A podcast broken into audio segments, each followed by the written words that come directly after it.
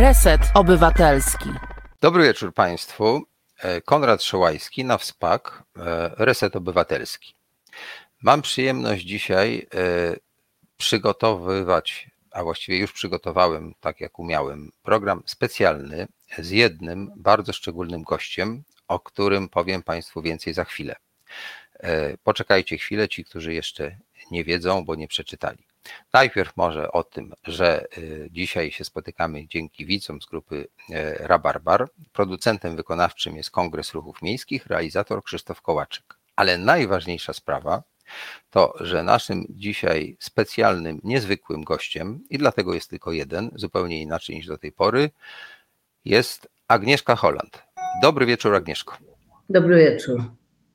Dobry wieczór. Będę musiała się starać, żeby nie zanudzić, bo Zawsze masz jakieś urozmaicenie, widzę. Zwykle zapraszałem wiele osób i przygotowywałem klipy, y, takie wideo gdzieś tam brane z internetu albo od tych ludzi po to, żeby no nie było to tylko gadane, ale także, żeby były obrazki. Ale w Twoim wypadku pomyślałem, że skromność będzie najlepsza, bo po prostu y, tak jak Cię obserwuję od dziesiątków lat, właściwie odkąd byłem studentem e, twojego kolegi Krzysztofa Kieślowskiego zresztą, który nam o tobie dużo opowiadał w szkole i mówił, jak ty reżyserujesz i jak on od siebie się uczył i tak dalej. Naprawdę tak było. Tak. Tak, tak. E, to e, potem mogę zresztą takie parę anegdot spróbować wyciągnąć z głębin pamięci o różnych takich właśnie e, może mniej oficjalnych zachowaniach. W każdym bądź razie tak. Ja bym chciał Ci, Agnieszko, y, dla widzów chcę powiedzieć, że mm, ja w ogóle taką konwencję w tych, w tych programach y, wprowadziłem, że zwykle jestem zapraszam znajomych, jestem z nimi po imieniu. Z Agnieszką też jestem po imieniu, ale nie zmniejsza to mojego szacunku i dla mnie Agnieszka Holland właściwie od początku mojej no, kariery w cudzysłowie filmowej była jednym z takich słupów milowych. Ja obserwowałem ją z daleka, jeszcze nie śmiałem w ogóle z nią rozmawiać. Ona już była wielka wtedy, kiedy ja e, w ogóle zaczynałem w szkole filmowej, właśnie pod opieką Krzysztofa Kieślowskiego. E, także proszę wybaczyć, jak dzisiaj będę trochę speszony. Normalnie nie jestem, a dzisiaj właśnie tak się czuję, że mimo, że z Agnieszką miałem kilka okoliczności takich, żeśmy sobie pogadali, to właściwie nie, drugi raz publicznie występuję. Pierwszy raz chyba w Łodzi mieliśmy przyjemność brać udział w takim panelu. No dobrze, więc proszę Cię Agnieszko, że jak ja coś głupiego powiem, żebyś mi to wybaczyła, bo, bo jak powiedziałem, jestem trochę speszony. Chcę zacząć od początku, to znaczy od tego, że zobaczyłem film, e, w którym Ty robiłaś jedną z nowel, bo będziemy rozmawiali e, też pewnie potem o polityce, bo nie uciekniemy, ale, ale chcę po prostu y, jakby o moich takich wspomnieniach i żebyś mi pewne rzeczy wyjaśniła. Jak to się stało, że ty zrobiłaś najbardziej niezwykłą z tych takich nowel ja pamiętam do dzisiaj scenę e, z tego filmu, tam chyba mm, dwóch czy trzech jeszcze bardzo dobrych reżyserów to realizowało. E, jest taka mm, e, sytuacja gdzieś tam nad jeziorem, dzieci się bawią, rodzice się bawią, ci mężczyźni chodzą w tych podkoszulkach, piją piwo i dziewczyna przeżywa swój pierwszy raz. Pamiętasz ten film, Agnieszko? Tak, tak, pamiętam go, tym bardziej, że niedawno, niedawno obejrzałam tę swoją nowelkę, bo, mm, e, bo żeśmy robili taką cyfrową, e, cyfrową, jak to się nazywa, mm, no w, w każdym razie nową wersję obrazu, obrazu i dźwięku robi się teraz, te filmy stare się odświeża y, tak technicznie i one wyglądają zupełnie jak nowe, a nawet lepiej niż nowe, bo technika się posunęła. No więc obejrzałam tę, y, tę swoją nowelkę. Y, to była pierwsza nowelka, pierwsza część właściwie filmu, który żeśmy nazwali Zdjęcia próbne. No i bardzo mi się spodobała. To znaczy, to jest bardzo, bardzo czes, czeskie kino. I to ja byłam niedługo po studiach w Pradze, więc cała nasycona czeską nową falą, która była jednym z takich najbardziej chyba oryginalnych i y, witalnych y, nurtów y, w kinematografii europejskiej w latach 60., 70. Zresztą y, te filmy, jak się ogląda, najlepsze z nich, jak się ogląda dzisiaj, to one właściwie się w ogóle nie zestarzały. No i na pewno to, to, to jak gdyby ta, doświadczenie tych pięciu lat w Czechosłowacji, oglądania tego kina i zanurzenia w tej kulturze spowodowało, że styl tego, tego, tej mojej części jest taki, taki trochę czeski, taki, taki pewien realizm, taki niby paradokumentalizm, a jednocześnie, a jednocześnie nie ma obawy przed stylizacją. Natomiast jeśli chodzi o treść, tak, pamiętam tę treść bardzo dobrze, tym bardziej, że był w tym element autobiograficzny. Gdzieś ten pierwszy raz pokazany w tym, w tym filmie mm, jest podobny do mojego pierwszego razu. Nie jest to specjalnie takie e, apetyczne wspomnienie. Moralnie przede wszystkim jakby. E, no ale tak to jest, że wiele kobiet, wiele dziewczyn przeżywa te pierwsze razy nie tak romantycznie, jak to sobie wyobrażałem. Mam nadzieję, że to się będzie zmieniać teraz i że młodzi mężczyźni będą uważniejsi, jeśli chodzi o, o takie inicjacje. A film żeśmy wymyślili fajnie, dlatego że Żadne z nas, to był e, Paweł Kędzierski i e, Jerzy Domaracki, e, nie miał jeszcze prawa do pełnometrażowego debiutu, bo tam były jakieś takie stopnie, schody, które trzeba było odbyć, żeby móc zadebiutować. I wymyśliliśmy, że zrobimy fabułę, ale nie z takich nowelek, które się ze sobą w ogóle nie łączą, ale że to będzie miało ciąg fabularny i najpierw pokażemy historię dziewczyny, potem historię chłopaka i w ostatniej nowelce napisanej przez Feliksa Falka Y, ci młodzi ludzie dwoje się spotkają na zdjęciach próbnych do filmu, gdzie ja zresztą grałam reżyserkę na tych, w, tym, w tej ostatniej nowelce. Wystąpił tam Andrzej Wajda też, y, grając siebie. Wystąpił Maciek Karpiński, grając, już nie pamiętam kogo, też jakiegoś asystenta czy kogo.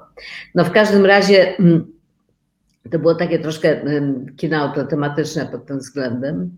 I myśmy też, naśladując Milosza Formana, film, pierwszy jego film niepełnometrażowy, średniometrażowy Konkurs, y, użyliśmy w montażu tego filmu y, fragmentów naszych zdjęć próbnych, y, do zdjęć próbnych w czarno-białej wersji I tym żeśmy tak przemontowywali te, te, te, te, nasze, te nasze nowelki. Film, film się cieszył dużym powodzeniem, o dziwo, chociaż nie miał żadnej reklamy. Yy, I to było tajemnicze, jak rozchodziły się jakieś takie wieści w PRL-u głębokim, bez reklamy, bez, bez internetu, że jakiś film jest fajny i że nagle się przychodziło do tego kina i tam było pełno chociaż nikt o tym nie mówił oficjalnej żadnych mediach ani, ani środkach przekazu. Yy, I pamiętam, że premiera się odbywała, znaczy pierwszy, pierwszy pokaz, pierwszy seans w kinie Luna. No i myśmy tam przyszli z kolegami, współautorami yy, i zobaczyliśmy ogromną kolejkę do tego kina na nasz film. To było szokujące. No ja poleciałam do jakiegoś automatu i zadzwoniłam do Andrzeja Wajdy, który był naszym producentem, bo myśmy byli wszyscy członkami jego zespołu X. E, I mówię, panie Andrzeju, jest dużo ludzi, przyszło dużo ludzi na nasz film. No to on się bardzo ucieszył i powiedział, no to jesteśmy już kolegami. Słuchaj, ja pamiętam, ja, że jak ten film zobaczyłem, to w ogóle zrozumiałem, że tak można filmować. To było dla mnie bardzo niezwykłe. Na tle tych filmów, które czasem były fajne, no to wszystkie te komedie francuskie, Louis de Finesse, no cała ta taka rozrywka, tak? Czy, czy te takie trochę bombastyczne filmy typu Faraon i tak dalej. I, I naraz y, taki ochłap życia, takie coś, co y, no, Kałużyński, który rozmaite rzeczy mówił, on chyba używał tej kategorii ochłap życia. Niespecjalnie był zresztą przychylny y, chyba wtedy wam.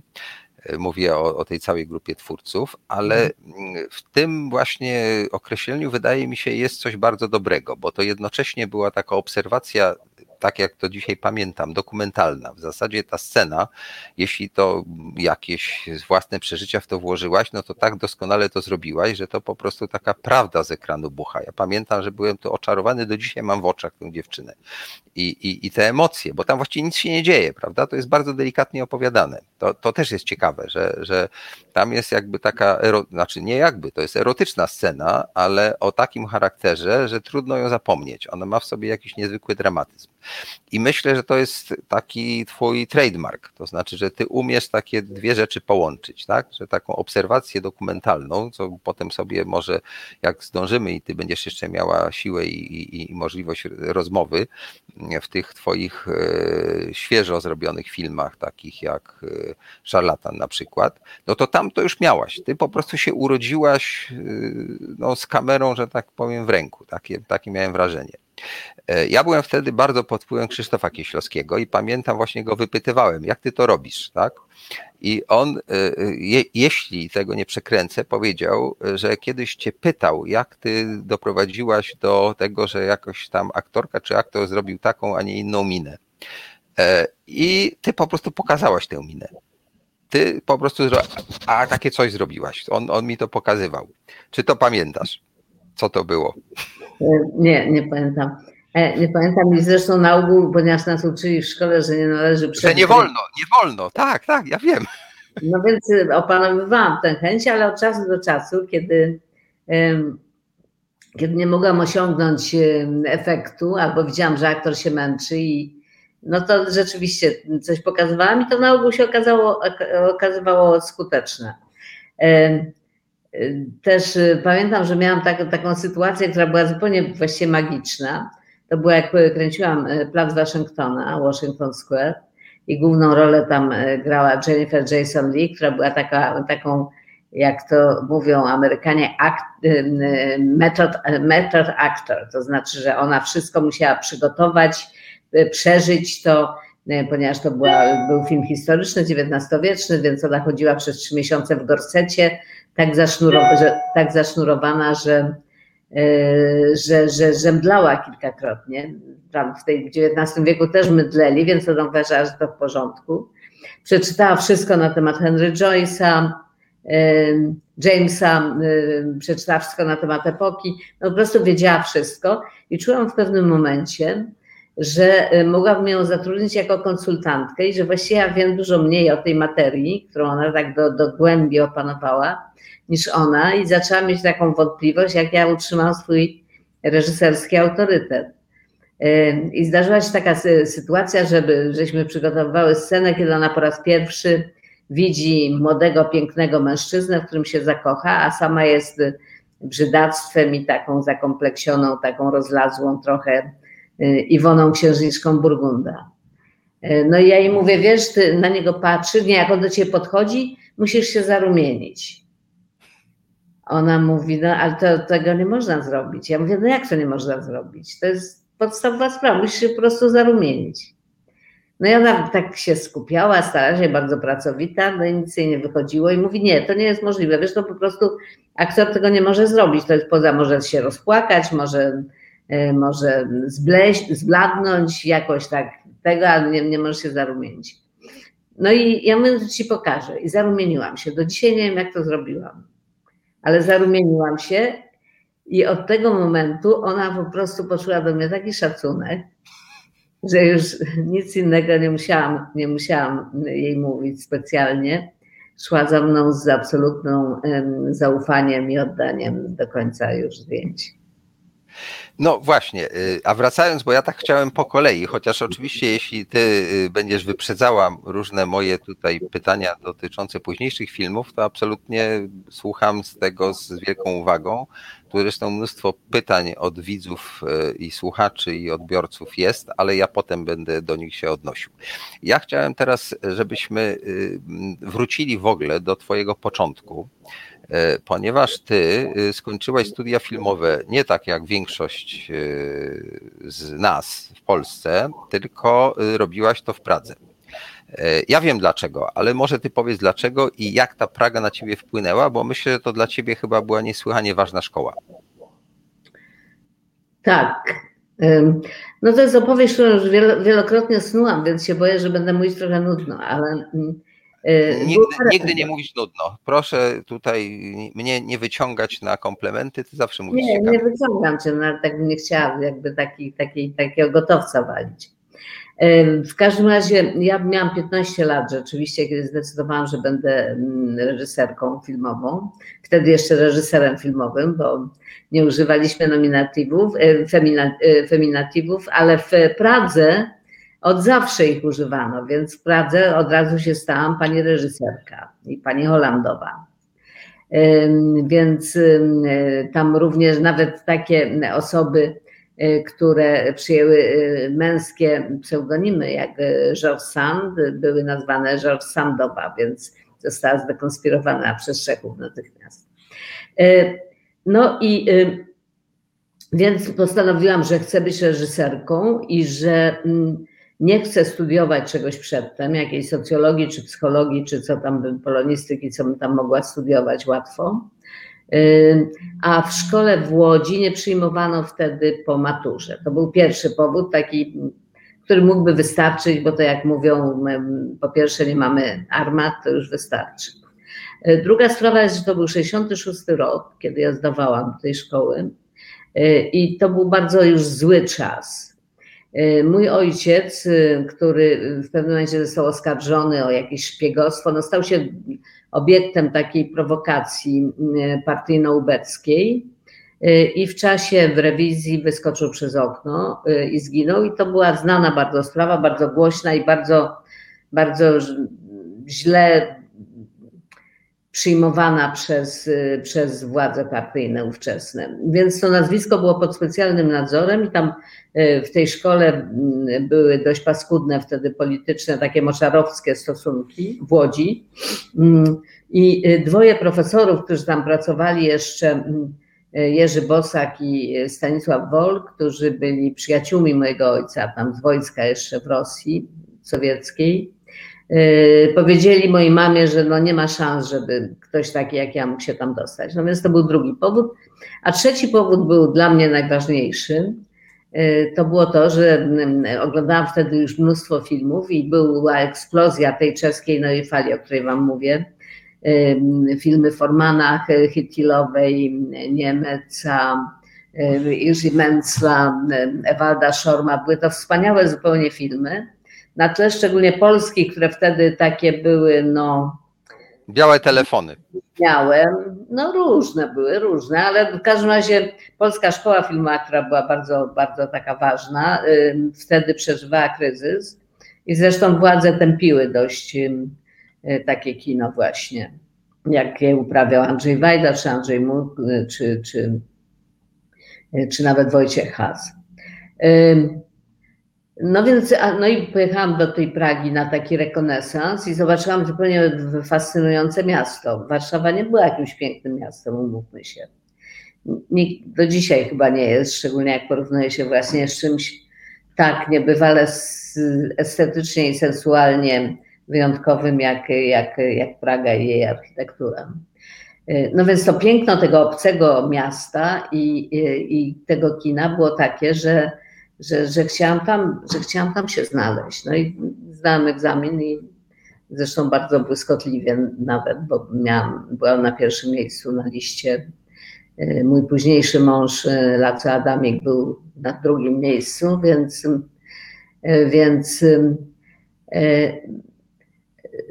dostałam się dość, dość bez kłopotów i spędziłam 5 lat w tej Pradze i to na pewno był taki formatywny bardzo okres. Właściwie wszystkie moje inicjacje tam przeżyłam, najważniejsze. I nauczyłam się dużo o, o, o ludziach, o świecie, o mechanizmach historii, o polityce, o tym, jak może wybuchnąć taki karnawał wolności, jaki tam wybuchnął w 1968 roku na wiosnę i może zostać zdławiony bardzo szybko i bardzo brutalnie przez y, po prostu gołą siłę, czyli czołgi. Y, I że wydaje się, że ludzie nigdy się nie poddadzą, ale w rzeczywistości poddają się dość szybko i przystosowują się do tej opresyjnej rzeczywistości, wiedząc, że jeżeli będą się buntować, no to ryzykują czasem życiem, często wolnością, a zawsze jakąś taką życiową wygodą i możliwością zrobienia jakiejś swojej kariery albo po prostu życia w spokoju. Więc to się czescy komuniści nazwali ten, ten, ten okres, ten proces, który trwał zresztą 20 lat, normalizacją, y, co jest taką orwellowską nowomową, bo w gruncie rzeczy to, że człowiek rozpuszcza swój kręgosłup i staje się bardzo giętki i przystosowuje się do opresji, nie jest niczym normalnym, a w każdym razie nie to powinno być normą normalności. No ale okazało się, że ludzie właśnie, i to nie tylko Czesi, bo jak patrzymy dookoła nas, to widzimy, że właściwie w każdym kraju ludzie tak mają taką tendencję do tego, żeby tłumaczyć na korzyść swojej takiej wygody życiowej różne decyzje albo ich brak. No właśnie, ale y, ja takie wrażenie odnoszę, bo i też uwielbiam to czeskie kino i to doświadczenie tej praskiej wiosny, to jest chyba to, co cię niesłychanie mocno ukształtowało i potem y, jak niedawno oglądałem, bo szczerze mówiąc dość późno, y, Gorejący Krzew, to ja miałem wrażenie jakiegoś takiego niesłychanego dokumentalnego zapisu tamtego czasu. E, I jakbyś mogła powiedzieć właśnie, na ile to, co opowiedziałaś w Gorącym Krzewie, no ja nie mogę znać tam tych wydarzeń poza lekturami, prawda, czy jakimiś tam wspomnieniami osób, z którymi rozmawiałem. Natomiast y, chodzi mi o to, że ten Gorący Krzew był dla mnie jakiś niesłychany, na mnie zrobiło to ogromne wrażenie, ten, ten serial. Mimo, że to serial telewizyjny, ale ty nadałaś temu, zresztą w ogóle seriale telewizyjne okazuje się często konkurują skutecznie z kinowym filmem. E, no, to... Myślę, że często go obecnie wyprzedzają niejako. Tak, no to, Gorejący Krzew to jest taka miniseria, to nie jest taki serial, serial, gdzie taka ciąguta, gdzie ciągle są jakieś nowe akcje. Ma to bardzo taką precyzyjną i w sumie dość zwięzłą dramaturgię. E, I jest to raczej coś takiego jak taki bardzo długi film. Taki, to prawda, to prawda, że to mhm. nie wygląda jak ten serial, który trzeba na końcu mieć ten cliffhanger, żeby oglądać następny odcinek, mhm. tylko e, jesteśmy tak zainteresowani tą historią, że w zasadzie ja to obejrzałem jednym ciągiem po prostu. E, ale czy, y, czy dla ciebie powrót do tamtego czasu, to jak ty to odczuwałaś? Bo dla mnie ten film był niesłychanie ważny. Ja miałem wrażenie, e, że, że dotknęłaś czegoś no, bardzo takiego no, istotnego. To jest dla mnie, cieszę się, że to mówisz, bo to jest dla mnie bardzo ważna praca moja i taka jedna z najważniejszych.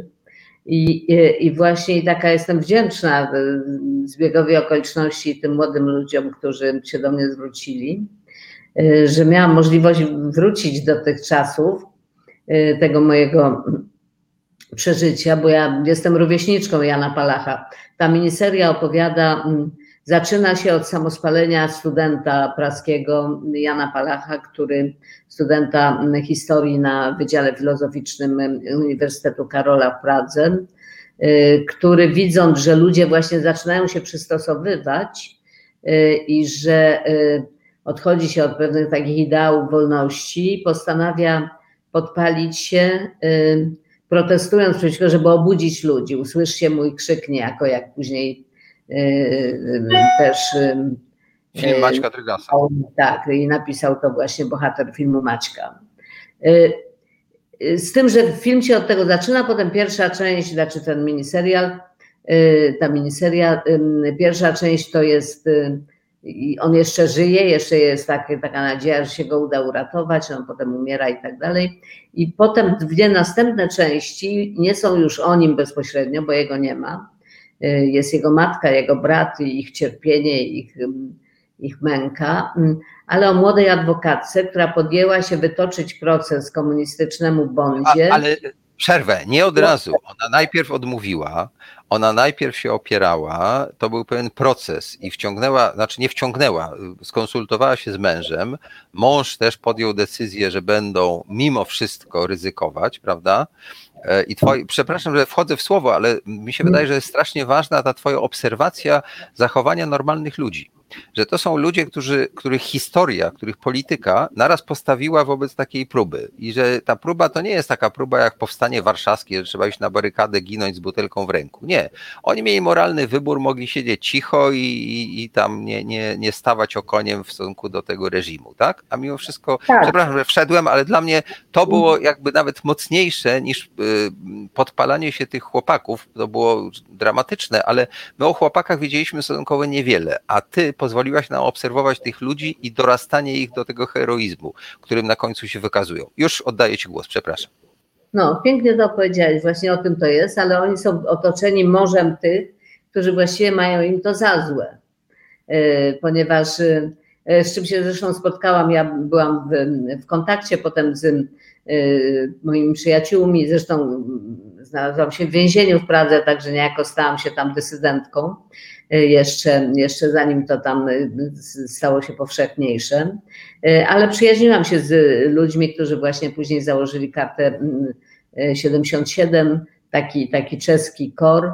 W przeciwieństwie jednak do polskiej opozycji, byli tam bardzo osamotnieni. Znaczy, był tam również Wacław Havel, z którym również się jakoś zaprzyjaźniłam byli bardzo osamotnieni, bo ci ludzie nie chcieli mieć tego lustra. Uważali, że po prostu to taki, taki rodzaj y, bohaterstwa y, zmusza ich do um, samorefleksji, która wychodzi dla niekorzy na niekorzyść dla zwykłego obywatela. I w gruncie rzeczy mieli im za złe, że to robią, bo stawiają przed nimi tego typu y, moralne wyzwanie. No więc cała złożoność tej sytuacji, właśnie i tych postaw, i to to, że jak ktoś raz podejmie decyzję, że zrobi coś e, takiego, za co, za co przyjdzie mu zapłacić, to jeszcze nie znaczy, że jest mu z tym cały czas dobrze. On ma różne fazy. E, I w ogóle lubię takie opowiadania, gdzie widać, że ludzie są bardzo skomplikowani i wybory są skomplikowane i nic nie jest takie czarno-białe, jakby się niektórym chciało wydawać. A teraz żyjemy w takiej epoce, która przez tę polaryzację, która nastąpiła, jest szalenie taka, y, taka manichejska i, y, i to jest albo światło, albo ciemność, albo dobry, albo zły. Y, nie ma, wszystkich się osądza i wszystko się osądza natychmiast, etykietuje, przyjmuje się tak literalnie. No nie jest to dobry, nie jest to dobry czas, w którym żyjemy nie tylko dla klimatu i nie tylko dla ludzi, którzy lubią praworządną demokrację, ale również y, dla, dla artystów po prostu. Myślę, że takim podstawowym polem pracy dla artysty jest y, y, to pole ambiwalencji, prowokacji, komplikacji. Jak się wszystko upraszcza, upraszcza to się właściwie kłamie. Ale wracając do tego, do tego krzewu, ja miałam taki moment, kiedy myślałam, że mogę zrobić o tym film. To było jak znalazłam się w Paryżu na emigracji po stanie wojennym czy w czasie, w czasie stanu wojennego i tam spotkałam ponownie mojego profesora mm, z FAMU Milana Kunderę i potem żeśmy się bardzo zbliżyli, zaprzyjaźnili. On mi dał e, do czytania nieskończoną jeszcze nieznośną lekkość bytu, która zrobiła na mnie wtedy niebywałe wrażenie i którą przetłumaczyłam. Ty to przetłumaczyłaś, no właśnie, tak. tak. Tak, no, zrobiło to na mnie takie wrażenie jeszcze w kontekście naszego stanu wojennego i emigracji, że że pomyślałam, że bardzo chciała się z tym podzielić, y, tym podzielić y, no, z moimi rodakami. Przetłumaczyłam to, wydał to aneks londyński, wydawnictwo Smolarów. No i, i, i potem powstał taki, taki, taki, taki pomysł, żeby to mm, sfilmować. Kundera właściwie dał mi prawa, ale potem zjawili się Amerykanie i po prostu przepłacili tego francuskiego producenta, który miał, chciał to ze mną robić i powstał film Filipa Kaufmana. I już mi się wydawało, no, że nie będzie szans, żeby do tego wracać. Szczególnie, że potem no, upadł mur, również upadł komunizm Czechosłowacji, potem Czechosłowacja się podzieliła na Czechy i Słowację y, i tam ci filmowcy mieli wszystkie możliwości, żeby opowiedzieć tę historię y, w taki sposób, jaki ja ją chciałam opowiedzieć. No nie zrobili tego, robili głównie takie y, komedie na ten temat. Natomiast młodsze to pokolenie, dzisiejszych trzydziestolatków, e, wtedy dwudziestoparolatków, oni mieli poczucie, że to jest jakiś rodzaj strasznego zaniedbania i takiego przemilczywania czegoś, co jest bardzo bolesne i bardzo ważne dla, dla, no, dla doświadczenia tego narodu i że ten wymiar tragiczny jest bardzo istotny i że żaden z czeskich reżyserów według nich tego by nie mógł zrobić, więc zwrócili się do mnie. Ja najpierw listownie posłali mi scenariusz, ja byłam przekonana, że po przeczytaniu scenariusza, że napisał któryś z moich kolegów, których nazwiska już nie pamiętam, bo to było tak dokładnym oddaniem mojej, mojego przeżycia i mojej pamięci. Nie było tam właściwie żadnych błędów takich anachronizmów czy takich rzeczy, które zwykle się zdarzają, jak człowiek, który czegoś nie przeżył, pisze, pisze o tym. No i dopiero zorientowałam się, kim oni są, jak zjawili się w Warszawie, kończyłam wtedy w ciemności. W drzwiach mieszkania, gdzie mieszkałam, otworzyłam im drzwi rano, to było, jak się okazało, oni przyjechali pociągiem, bo nie stać ich było na samolot. I to była trójka dzieci właściwie, ten scenarzysta i dwoje producentów. No i to był ogromny taki podarunek ze strony tych młodych ludzi, że, że mi zaufali, że, że przede wszystkim, że stworzyli coś, co było takim potencjałem e, do opowiedzenia jakiś bardzo prawdziwy sposób tej historii i atrakcyjny i ciekawy. E, no a dwa, że mi po prostu jakby oddali mi to i potem żeśmy to kręcili. To była jeden z takich najszczęśliwszych okresów produkcyjnych w moim życiu, te zdjęcia w Pradze i, i to, cośmy tam robili. Jakoś to wszystko było bardzo takie autentyczne, organiczne, uczciwe, radosne, profesjonalnie, świetnie przygotowane i wszyscy, wszyscy, którzy w tym wzięli udział i ekipa i aktorzy mieli takie poczucie, że, że robimy coś bardzo ważnego e, i w związku z tym dawali się rzeczywiście maksimum. Także, także tak. No a mm, w dużym stopniu zawarłam tam, mimo że to nie ja pisałam scenariusz, potem pracowałam ze Szczepanem nad tym trochę, ale w dużym stopniu zawarłam właśnie to moje mm, czeskie doświadczenie. No tak, i ja miałem trochę wrażenie, chciałem, żebyś powiedziała, czy, czy tak rzeczywiście było, czy ty instynktownie to robisz, czy, czy to tak sobie zakładasz i, do tego intelektualnie podchodzisz racjonalnie, że to w zasadzie było takie kino prawie że dokumentalne. Jak ja to oglądałem, to miałem poczucie takiej niezwykłej prawdy e, że coś takiego w tym filmie jest, e, że się miesza to, co ty kręcisz z pewnymi no, faktami i ty nawet gdzieś tam w jakimś wywiadzie, który teraz sobie oglądałem, mówiłaś, że ta rzeczywistość to nie zawsze daje się te biograficzne filmy tak robić dokładnie stoprocentowo, bo to rzeczy, wyobraźnia musi pomagać, tak? I że czasem wyobraźnia jest bogatsza. Otóż jak ja to oglądałem, to ja miałem takie wrażenie, że ty cofnęłaś się o tych kilkadziesiąt lat i tak jakbyś z kamerą była wtedy. I jak, jak to się udało? To czy, czy ty tak jakby założyłaś z góry? Co, co spowodowało, że to aż tak prawdziwe jest? Słuchaj, no wiesz, trudno mi powiedzieć, bo e, jeśli chodzi o metodę, to to w ogóle nie jest dokumentalne. Znaczy, wszystko jest zainscenizowane, przygotowane, wymyślone i tak dalej. I, i, I pewnym prawdopodobnie kunstem reżyserskim jest to, żeby e, nasycić to taką wiarygodnością, że ci się wydaje, że, że to jest rzeczywistość ale y, y, i tak musisz uruchamiać wyobraźnię, no bo nie wiesz, przecież nie, nie, wiesz nigdy, co się dzieje w łóżku między mężem i żoną, prawda? Y, nie wiesz, co się dzieje w głowie człowieka. Także ja, kiedy mówiłam o tym, że nie wierzę w takie robienie biografii prawdziwych jeden do jednego, to dlatego, że po prostu to, co najważniejsze, jest zwykle ukryte. Nawet jak ktoś prowadzi dzienniki albo jak pisze autobiografię, to to zwykle to jest jak gdyby pewna oficjalna wersja samego siebie. Y, to jest to, co chcemy, żeby ludzie o nas wiedzieli, a mnóstwo rzeczy, które, które, które się w nas dzieją albo które robimy, y, nikt o tym nie wie, albo wydaje nam się, że nikt o tym nie wie. Y, ale tutaj, tutaj też no ja jakoś miałam ogromną czułość do tych wszystkich bohaterów i do, i do tych słabszych, i do tych silniejszych, i, i co mi się podobało też w tym pomyśle Szczepana jest, że właściwie nic nie wiemy o tym Palachu prawie, że, że widzimy go w momencie, kiedy, kiedy dokonuje tego aktu samospalenia i potem to są jakieś strzępy czegoś, co ludzie o nim wiedzą, a najwyraźniej nie wiedzieli wiele, skoro ten jego czyn tak istotny y, był dla nich tajemnicą i dla matki, i dla brata, i dla kolegów w akademiku, i dla dziewczyny. Nikt o tym nikt nie wiedział, że on to zamierza zrobić. Więc myślałam, że nie należy dotykać tej tajemnicy. Potem młody czeski reżyser zrobił parę lat później film Jan Palak, czy Palak się nazywa, gdzie próbował właśnie jak gdyby opowiedzieć jego ży, ży, życiorys. Mi się to nie wydawało takie bardzo ciekawe, bo to były takie właściwie pocztówki z życia, trochę takie, takie migawki i y, nie, nie ułożyło się to dla mnie w żadną jakby większą prawdę o tym człowieku, mimo że tam było znacznie więcej faktów niż, y, niż u nas. Nie, mnie się szalenie podobało, że to pozostało u ciebie tajemnicą, że to właśnie myśmy jakby obserwowali z punktu widzenia ludzi, na których ten czyn wpłynął i to jest jedna z istotnych cech tego filmu, że, że, że ty nam pozwalasz jak gdyby obcować z tym trochę tak, jak oni obcowali. w każdym razie moim odbiorcom, którzy tutaj bardzo licznie o mnóstwo rzeczy pytają, za chwilę spróbuję jeszcze niektóre z tych pytań Ci zadać. E, I ja jesteśmy pod wielkim wrażeniem tego, co mówisz, ale ci, którzy nie widzieli, to muszą tę, tę serię zobaczyć. Myślę, że to jest jedna z najważniejszych Twoich prac. Agnieszko, chcę, żebyśmy chwilę odpoczęli.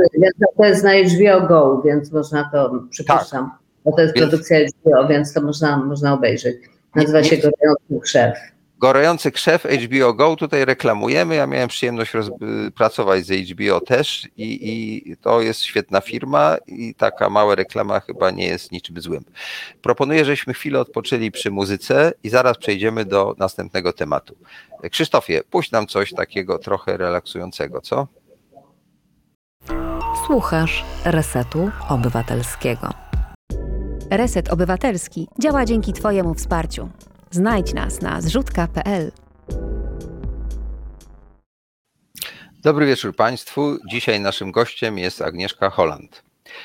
Agnieszko, y, ja bym chciał teraz przeskoczyć już do Polski y, i zapytać, czy ty czytałaś y, książeczkę pod tytułem Świat Nieprzedstawiony Kornhausera i Zagajewskiego? Tak, oczywiście. To była taka lektura obowiązkowa w latach 70. późnych. No właśnie, bo ja mam wrażenie takie, że e, oni domagając się, do, e, żeby literatura jakby odpowiadała rzeczywistości i nie uciekała w jakieś metafory, w jakieś artystyczne pozy, e, zwracali się do literatów. Natomiast ten postulat, to żądanie wypełniliście wtedy wy. Ty, Andrzej Wajda, Felek Falk i cała grupa waszych kolegów. Takie wrażenie mam. I czy y, y, była jaką, było to jakąś inspiracją, to co napisali Kornhauser i Zagajewski? Właściwie skąd się wzięło to kino moralnego niepokoju? Ty jesteś jedną z głównych twórczyń tego. Wiesz, ja tak nie pamiętam dokładnie, czy jakiejś interakcji między tą książką a naszymi jakimiś decyzjami czy intuicjami, ale generalnie rzecz biorąc, to, to się chyba zaczęło wcześniej i to wyszło częściowo z dokumentu, z tego jak zaczynał Krzysztof Kieślowski, Tomek Zygadło, Bogdan Kosiński, Andrzej Brzozowski. Tam była cała grupa e, reżyserów, którzy, którzy postanowili właśnie przedstawić tę Polskę, najpierw w sposób dokumentalny, e, no a potem, kiedy zaczęliśmy myśleć też o telewizyjnych filmach, one zostały, wymyślił Andrzej Wajda coś takiego, żeby zrobić cykl Y, telewizyjnych filmów, które właśnie jego młodzi reżyserzy, bo się zgromadziła taka gromadka młodych wtedy y, twórców w jego zespole, żeby oni mogli zadebiutować najpierw telewizyjnymi takimi godzinnymi filmami, y, no i potem przejść do, do fabuły, jeżeli, jeżeli, jeżeli to wyjdzie. I wymyślił, że łatwiej będzie, ponieważ ta cenzura była dość paskudna i w telewizji, i w ministerstwie, że łatwiej będzie przepchnąć jakieś takie tematy, pod takim szyldem sytuacje rodzinne i że to będzie właśnie taka kolekcja filmów, że, każdy, że to będzie tylko miało coś wspólnego z rodziną. Oczywiście rodzina, jak wiadomo, jak czytamy greckie tragedie, to wiemy, że wszystkie najważniejsze, czy Szekspira, wszystkie najważniejsze y, dramaty są o rodzinie właśnie w jakiś sposób.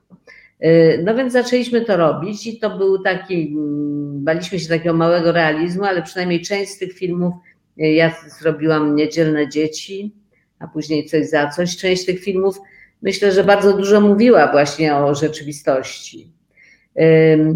No i potem to tak już poszło. Janusz Kijowski do nas doszedł z filmem, który Indeks. zrobił indeks, który zrealizował właśnie w szkole filmowej, sklejając różne materiały na różne etiudy.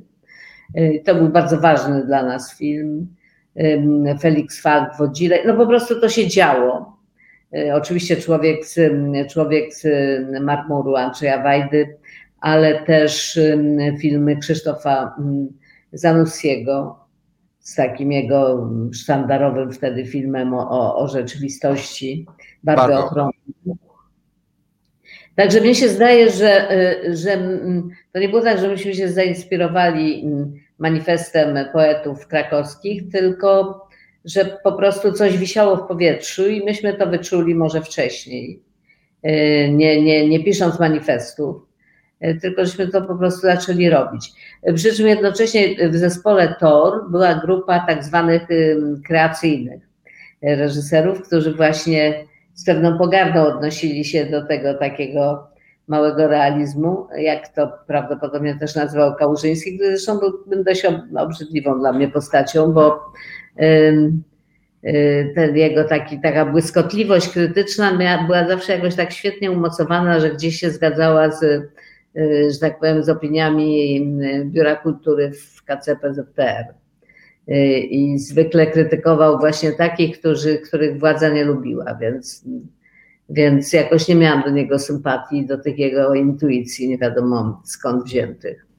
E, no, no ale może to jest taki bohater, którego ty lubisz portretować, że w jakimś sensie Kałużyński byłby świetną postacią w twoim filmie, nie sądzisz?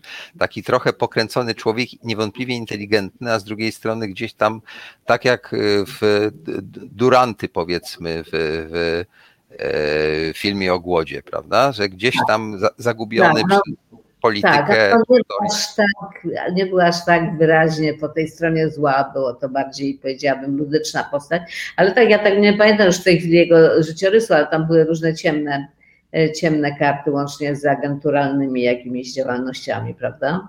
E, no w każdym razie tak, masz rację, to oczywiście jako bohater bardzo, bardzo, bardzo ciekawy mógłby być, jako krytyk naszych filmów, no oczywiście go nie lubili. No i wydawało nam się, że może nam zaszkodzić, no bo nikt właśnie nam dobrze nie życzył e, w tych władzach tam. E, znalazł się Józef Teichma, który był człowiekiem e, szlachetnym i jakoś odważnym, no i dzięki niemu Andrzej zrobił człowieka z marmuru, no, za co Teichma zapłacił tam jakieś, jakąś, jakimś cofnięciem w karierze, ale większość tych notabli tam to były dość takie paskudne typy. No tak, y, myśmy tutaj mieli rozmowę parę tygodni temu y, z jedną z osób, która pełniła tam funkcję wicedyrektora programowego. E, no to y, słyszeliśmy, że no była to pewna gra. Oczywiście dzisiaj każdy lubi przedstawiać to, co kiedyś robił w bardziej takim e, miłym świetle, prawda? Że oni tak jakby pomagali wam wtedy, że te scenariusze, które e, nie mogły przejść, to sugerowali drobne zmiany i tak dalej. Ale ja nie bronię, bo ten system. Wiesz, ale to możliwe, że, że tak. To znaczy, wiesz, ponieważ nikt w ten komunizm już wtedy tak naprawdę nie wierzył, a niektórzy mieli jednak jakieś taki, taką potrzebę jakiegoś takiej sprawczości lepszej, to coś tam próbowali. Oczywiście myśmy nie byli wdzięczni też, myśmy ich po prostu traktowali, z wyjątkiem Krzyśka Kieślowskiego, który bardzo się wczuwał w takie właśnie dylematy ludzi władzy i partyjnych, zresztą koledzy go złośliwie nazwali piewca łez partyjny. E, i on i on ich rozumiał i zresztą to była postawa, która mi się podobała bardzo, która by dzisiaj była szalenie krytykowana, bo dzisiaj y, ktoś taki by został nazwany gorzej niż symetrystą, prawda? Ale, no tak, tak. Y, ale, y, no ale on był jakby wyczulony na to, żeby widzieć zawsze jakąś taką iskrę człowieczeństwa w kimś. I te iskry na pewno były. Ja zresztą pamiętam, jak kręciłam te y, y, niedzielne dzieci, a przedtem była w ogóle jakby szlaban na mnie, nie mogłam kręcić nic. I, no i, i, i przy okazji Człowieka z marmuru Wajda mi zaproponował, bo zobaczył moją inscenizację emigrantów Broszka w Gorzowie Wielkopolskim, a sam robił emigrantów w Krakowie, przyjechał na premierę tam do tego Gorzowa w środku zimy i mu się to szalenie spodobało. Zresztą parę tam ściągnął pomysłów. I, y, no i mi zaproponował asystenturę przy człowieku z marmuru, co mnie bardzo zaciekawiło, żeby obserwować mistrza, poza tym taki, taki tekst. No i wtedy właśnie władze powiedziały, że nie, że jeżeli moje nazwisko i moja osoba będzie związana z tym ryzykownym scenariuszem, no to oni wstrzymują produkcję albo musimy wyrzucić. I wtedy się bardzo pięknie zachowała cała ekipa z Basią, nieżyjącą już niestety od roku, Pet Ślesicką i Wajdą. I przy, oni powiedzieli, tak, no to my w takim razie wstrzymujemy zdjęcia. Bo to nie może być tak, że się mówi, Wajda mówi, że mi się mówi, kto może być moim asystentem, a kto nie może być moim asystentem. No i potem zaczęły negocjacje i wynegocjowano, że co prawda ja nie będę pracować przy tym filmie, e, ale, mm, ale za to odwieszą moje dwa scenariusze. Jeden w telewizji właśnie Niedzielne Dzieci drugi y, zdjęcia próbne, o których już żeśmy rozmawiali. Y, no i tak właśnie tym się opłaciło oczywiście, bo mogłam zacząć tak już robić normalnie filmy w Polsce i potem to już tak poszło. Ale przy okazji tych niedzielnych dzieci y, tam bardzo dużo było wycięć, ale obliczyłam, że nie wiem, tam 40 chyba było interwencji takich właśnie redakcyjnych, cenzorsko-redakcyjnych. No ale i tak ten film był takim świeżym, świeżym obrazem. Y, krytycznym, to znaczy takim bardzo realistycznym. Y, I odbywał się wtedy pierwszy festiwal twórczości telewizyjnej w Olsztynie, to też było w zimie. Umieszczono nas w hotelu Nowotel, który był pierwszym hotelem Nowotel w Polsce i dla nas to w ogóle w tym takim szarym PRL-u ten Nowotel to był jak jakaś, jakaś luksus. Jakiś luksus, więc to pamiętam bardzo dokładnie tak sensualnie te, te rzeczy. No i w końcu no i w końcu udało się, y, że dostałam nagrodę jakąś z pieniędzmi i to była nagroda Gazety Olsztyńskiej. Nie jakaś nagroda jury, taka y, złote czy srebrne, czy co tam oni dawali. No i pamiętam, że przyszli, przyszli z tego jury, mi, mi to oznajmił redaktor Janusz Gazda, który w telewizji prowadził ten film i którego, do którego ja miałam za te różne cenzorskie rzeczy, różne pretensje. No ale on był dumny, bo udało mi się przeprowadzić tę nagrodę. I tak do mnie mówię, no to dlaczego, dlaczego się pani nie cieszy? Ja mówię, wie pan, bo mi się przypomniała taka historia, że jakiś człowiek na, na uniwersytecie, nie pamiętam w Lublinie czy we Wrocławiu, nie robił i nie robił doktoratu i minęły już wszystkie terminy, kiedy powinien był zrobić e, doktorat. E, e, no on go nie robił, jego profesor go wezwał i powiedział, no by, proszę pana, dlaczego towarzyszu, czy tam jak do niego mówił, nie piszecie tego doktoratu. A on mówi, wie pan co, panie profesorze, ja się tak zastanawiałem, tak sobie pomyślałem, a komu jest właściwie potrzebny doktorat z humanistycznego przedmiotu na prowincjonalnym uniwersytecie okupowanego kraju?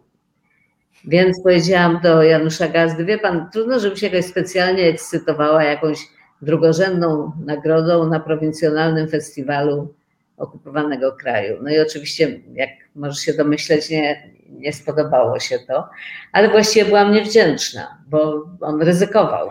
Wszyscy oni, którzy mi dawali zrobić filmy, coś tam ryzykowali troszkę, biorąc pod uwagę, że byłam e, dla komuszków persona non grata. No właśnie, słuchaj, teraz tak. Y, y, ja bym chciał y, przeskoczyć trochę do przodu, bo przecież tak to całą noc tu spędzimy, a ty nie masz tyle czasu, żebyśmy powiedzieli parę słów o kobiecie samotnej. Bo ja z 80 roku pamiętam dwa takie największe, naj, czy z 81, już nie pamiętam kiedy to widziałem, dwa tytuły, które zrobiły wtedy na mnie największe wrażenie. Ja świeżo upieczony student szkoły filmowej, obejrzałem Misia i obejrzałem Kobietę Samotną. E, zupełnie różne filmy. To są po prostu z innych, że tak powiem, gatunków. Natomiast oba były niesłychanie mocne. I pamiętam, że o ile e, doceniam i to była wielka robota i aktorzy prowincjonalni i gorączka, to kobieta samotna w ogóle no, rzuciła mnie, że tak powiem, prawie że na kolana, tak? Bo y, twoja obserwacja y, y, wyszła poza ten, poza, dzisiaj się mówi bańka, wtedy się nie mówiło bańka, prawda? Ale te niepokoje intelektualne, moralny niepokój, tu w teatrze, tutaj historia i tak dalej, to wszystko już gdzieś tam znałem. Natomiast jak zobaczyłem tę listonoszkę i zobaczyłem tego górnika, tak, bo on chyba tak, górnikiem był, e, to, to, to w zasadzie znowu to miało taką siłę dokumentu. To jest to, co przed chwilą mówiliśmy o, o, o tym, co zrobiła w Czechach.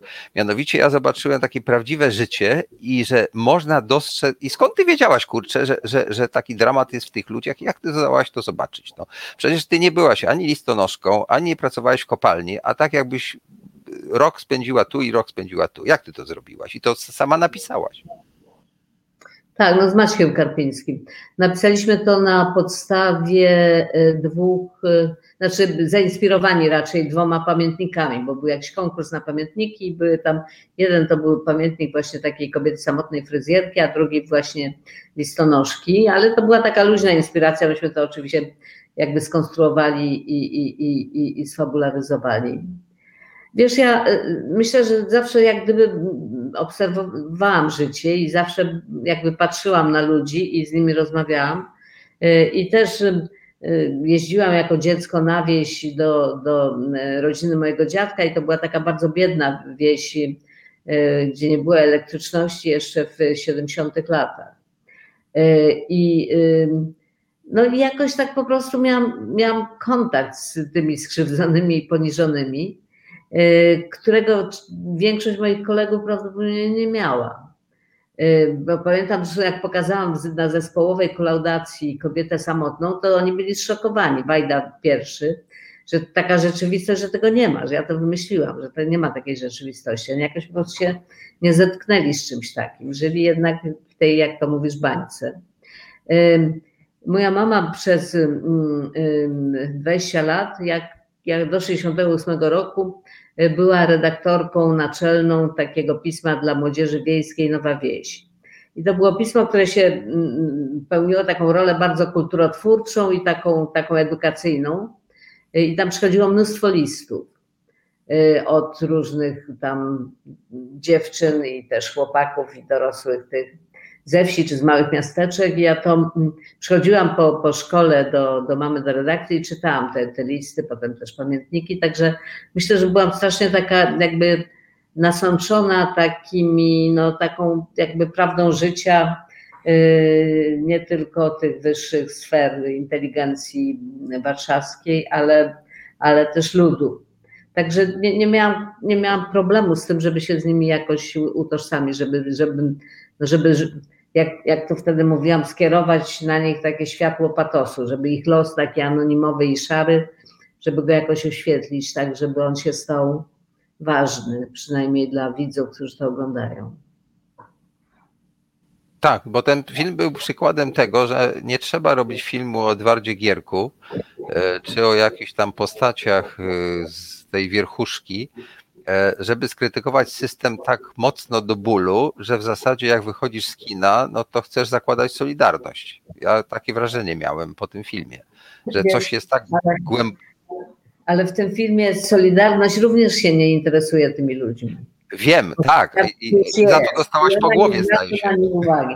Chyba tak, chyba dostałam po głowie, ale y, bo ja zobaczyłam, że to są właśnie tacy ludzie, którzy nie obchodzą nikogo, że oni, oni nie mają swoich rzeczników.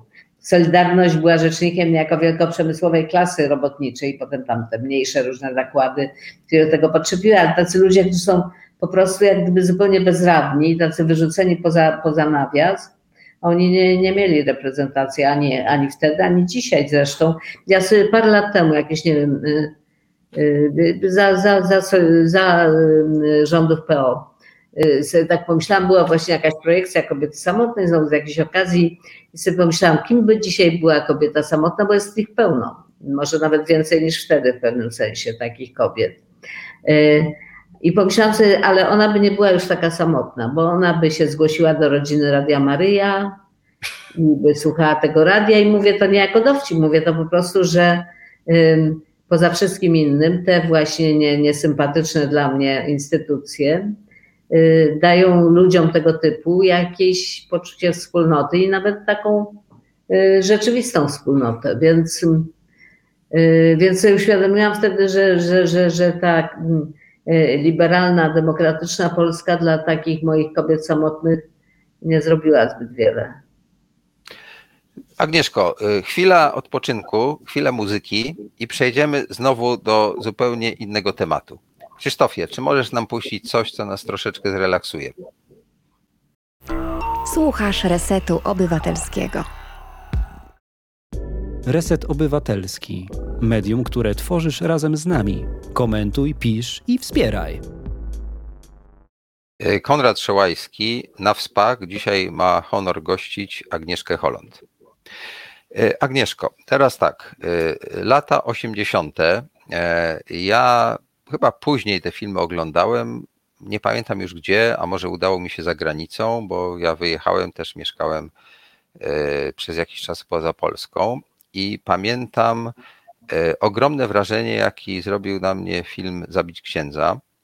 E, I pamiętam, e, że ty e, opowiedziałaś to tak, że my trochę rozumiemy tego zabójcę. To było szalenie ciekawe, że nie robiłaś filmu o księdzu, tylko robiłaś film o jego mordercy, po to, żeby zrozumieć tak po szekspirowsku, ja to tak zapamiętałem, co było w duszy czego, tego człowieka i pamiętam, jak on wrócił do domu i chyba kochał się z żoną po zabiciu, czy, czy po jakiejś takiej dramatycznej sytuacji. To mi zostało w pamięci z tego filmu. Jakbyś mogła coś na ten temat powiedzieć, bo to był bardzo ważny film i w ogóle jakimś cudem było to, że udało się ten film zrobić. Tak, to był bardzo ciężki film, dlatego że te wydarzenia, które, ponieważ on był inspirowany bezpośrednio E, zabójstwem księdza Jerzego Popiełuszki, a e, w dużym stopniu też bazował na takich tych e, protokołach proces, procesu jego zabójców. I to była sprawa, która się odcisnęła emocjonalnie, politycznie pod każdym względem tak bardzo Polsce, że próba jakiegoś takiego zrekonstruowania tego była czymś szalenie trudnym, szczególnie w obcym terenie. Y, Francja, bo tam kręciliśmy, to była francuska produkcja, do której Columbia Pictures nam dała jakieś środki. Y, to bardzo taki niewdzięczny kraj architektonicznie do odtwarzania Polski, więc żeśmy poza wszystkim innym mieli taki duży zgryz, jak to zrobić wiarygodnie, żeby to nie wyglądało po prostu jakoś nie, nieprawdziwie. Y, ale główny koncept, który zresztą z Krzysztofem Kieślowskim ustaliłam, Yy, znaczy żeśmy dyskutowali to i to, to był właśnie taki, że żeby to dobro opowiadać poprzez zło, żeby ten, żeby, żeby pokazać pokusę dobra, którą odczuł ten, ten, ten ubek yy, i której nie mógł znieść, bo jeżeli, jeżeli ten ksiądz ma rację, jeśli to on ma rację, to właściwie całe życie tego ubekawskiego wybory są Y, są jakieś haniebne i nie mają sensu. Więc to jak gdyby y, to troszkę tak, jak, jakby głód pokazać przez jedzenie, prawda, a, a nie, że ktoś siedzi i się napycha. Jest bardzo trudno pokazać bardzo dobrego człowieka. To jest bardzo trudne. Nie jest to niemożliwe, ale jest to bardzo trudne i żeby to było wiarygodne i żeby to jednocześnie miało w sobie dramatyzm in, taki otwierający zrozumienie mechanizmów, to jest bardzo trudne. Więc nam, tak się nam wydało, że to jest dobry koncept. Niektórzy mieli za to do mnie pretensje. Niektórzy, y, niektórzy moi przyjaciele z emigracji polskiej byli dość oburzeni i wiem, że w kraju również niektórym się to nie podobało i też niektórym księżom y, się to nie podobało, by bardziej, myślę to o księżach, niektórzy nie lubili księdza Jerzego, bo takich było sporo e, wśród kleru polskiego, ale takich, którzy mm, się czuli z nim związani, e, oni się spodziewali jakiejś po prostu takiej prostej hagiografii raczej. no tak, to jest typowe. Mhm. No tak, ale ty zgodnie zresztą z tytułem tych naszych rozmów tutaj idziesz na wspak, bo z kolei film, który też na mnie zrobił ogromne wrażenie twój, Gorzkie Żniwa, E, no to pokazuje zagładę w zupełnie inny sposób niż przywykliśmy, prawda? E, że dochodzi do swego rodzaju takiego prawie, że romansu, jeśli tak można to nazwać, pomiędzy uciekinierką Żydówką, która ma zginąć, a, a Polakiem, który, no, jakby to powiedzieć, ją ratuje, a jednocześnie nie woli. No to też poszłaś całkowicie wbrew i obrażając wszystkich, tak? No, Widać tak, no, widać, szukam tej podszewki zawsze, prawda? No tak, ale ja myślę, że to bardzo prawdziwe było. To, to, jeden z tych twoich filmów, ja wszystkich nie widziałem, bije się w piersi, niektóre uwielbiam. E, moim ulubionym twoim filmem jest Europa, Europa. Jak uczę studentów, to co jakiś czas ich katuję analizami twoich pierwszych scen i nigdy nie możemy wyjść poza pierwsze 15 minut, bo tyle czasu nam to zajmuje, żeby zrozumieć, ile tam różnych aluzji i różnych bardzo ciekawych rzeczy wsadziłaś, że w zasadzie chyba poza pierwszy akt czy pierwsze dwa akty w ogóle nigdy nie wyszliśmy. Także tutaj mówię, że naprawdę to i tego Szkieżniwa i Europa, Europa oba dotyczące zakład, zagłady i w bardzo różny sposób zrobione, są e, no, niesłychanym Twoim wkładem w zrozumienie, co zresztą dzisiaj, e, jak widać, e, o tym decydują nie krytycy, nie widzowie, a sądy, jak należy do zagłady podchodzić. Ale to na razie uciekajmy od polityki. Ja mam propozycję wobec tego taką. Ja wiem, że masz czas ograniczony, że przeskoczymy do współczesności i potem będziemy próbowali może coś podsumować, a na razie spróbujemy porozmawiać o Twoich y, najświeższych produkcjach. E, I y, jeśli mogę prosić, Krzysztofie, y, zrób przyjemność Agnieszce i puść zwiastun jej filmu, ten jedyny, który udało nam się zdobyć legalnie, możemy go na YouTubie pokazać. Słuchasz Resetu Obywatelskiego. To jest Reset Obywatelski. Tworzymy go razem. Dołącz do nas na YouTube, Facebooku i Twitterze. No nie będę zdradzał wszystkiego, co w tym filmie jest, bo y, nasi odbiorcy będą mogli go po prostu niebawem obejrzeć, jak będą chcieli, a ich do tego namawiam. Ale chcecie zapytać e, o coś, co mnie w tym filmie szczególnie zafrapowało. E, postać tego e, szarlatana w zasadzie ty z niego zrobiłaś bohatera pozytywnego w jakimś sensie, bo on nie jest de facto szarlatanem. To jest po prostu facet obdarzony niezwykłą zdolnością leczenia. Ale to, co w nim jest niezwykłe, to to, że on łączy, że tak powiem, specyficzną, jakby to powiedzieć, e, sympatię do swojego asystenta. Jeśli będziesz chciała zdradzić, jaki ona ma charakter, to, to, to ja ci to zostawiam, ale jednocześnie popełniając różne wykroczenia, co jakiś czas e, klęka przed krzyżem, podwijając spodnie i kalecząc sobie kolana. To jest jedna z rzeczy, które w tym filmie mnie bardzo mocno uderzyły. I chciałbym, żebyś o tym bohaterze coś powiedziała, bo to jest chyba właśnie taki typ twojego bohatera, człowieka złożonego, który nie jest y, ani dobry, ani zły. On raczej nie jest zły, ale jest bardzo złożony. Tak, on troszkę przypomina tego Leona, którego grał Armin Millerstahl z Gorzkich Żniw, prawda? Jeśli chodzi właśnie o taką ambiwalencję. To, to jest taki człowiek, którym y, w którym pycha się y, kłóci z pokorą i narcyzm z wielkodusznością i dobro ze złem i który gdzieś ma niebywałą zupełnie zdolność zrozumienia i, i wyczucia natury, bo jego główny talent on ma dwa talenty takie medyczne. Jeden to jest, że na podstawie oglądu y, próbek moczu jest w stanie zdiagnozować chorobę i rzeczywiście ten prawdziwy, bo to jest o prawdziwym człowieku, znaczy na podstawie prawdziwego y, człowieka i, i jego losów, y, historia miał tę zdolność wyjątkowo rozwiniętą. No, tam go testowali, próbowali, egzaminy mu robili i to wychodziło prawie na 100%. A druga jego zdolność to jest to, że on wspaniale znał rośliny i w ogóle jakby cechy natury i był w stanie zioła y, y, robić takie kombinacje ziół, tak innowacyjne, że one pomagały jako remedium na wiele, na wiele schorzeń. Nie był w stanie leczyć niektórych, raka na przykład nie leczył, szczególnie zaawansowanego w ogóle. Także nie był szalatanem, nie był oszustem, był człowiekiem o wyjątkowym darze i talencie, który zresztą bardzo konsekwentnie nad którym pracował, bo całe życie poświęcił temu, żeby się jak najwięcej nauczyć i dowiedzieć o tym. Y, I który w momencie, kiedy z jakichś powodów, na przykład y, y, wydarzeń historycznych, nie mógł uprawiać swojego tego powołania, to wpadał w jakiś lęk i szał i właściwie stawał się bardzo agresywny i bardzo, bardzo, bardzo taki no, amoralny prawie. I tak jak myślałam o tym, y, to pomyślałam, że on y, nienawidzi bezradności, nienawidzi, że właściwie czuje się trochę Bogiem, ale w momencie, kiedy nie może wygrać ze śmiercią, y, to nie jest w stanie tego znieść. I nie jest w stanie też znieść mimo że tak blisko, bliskie jest natury, swojej własnej natury i swojej tożsamości i tego, kogo i jak kocha. I stąd też to, to te samookaleczenia, myślę, w dużym stopniu, że jest z nim takie rozdarcie ogromne, że z jednej strony jest z nim wielka pycha i takie poczucie, że buduje sobie pomnik, a z drugiej strony mm, boi się śmiertelnie tej swojej intymności. No i to jest film, który ma bardzo, bardzo dużo różnych, bardzo dużo różnych warstw i można go bardzo różnie interpretować.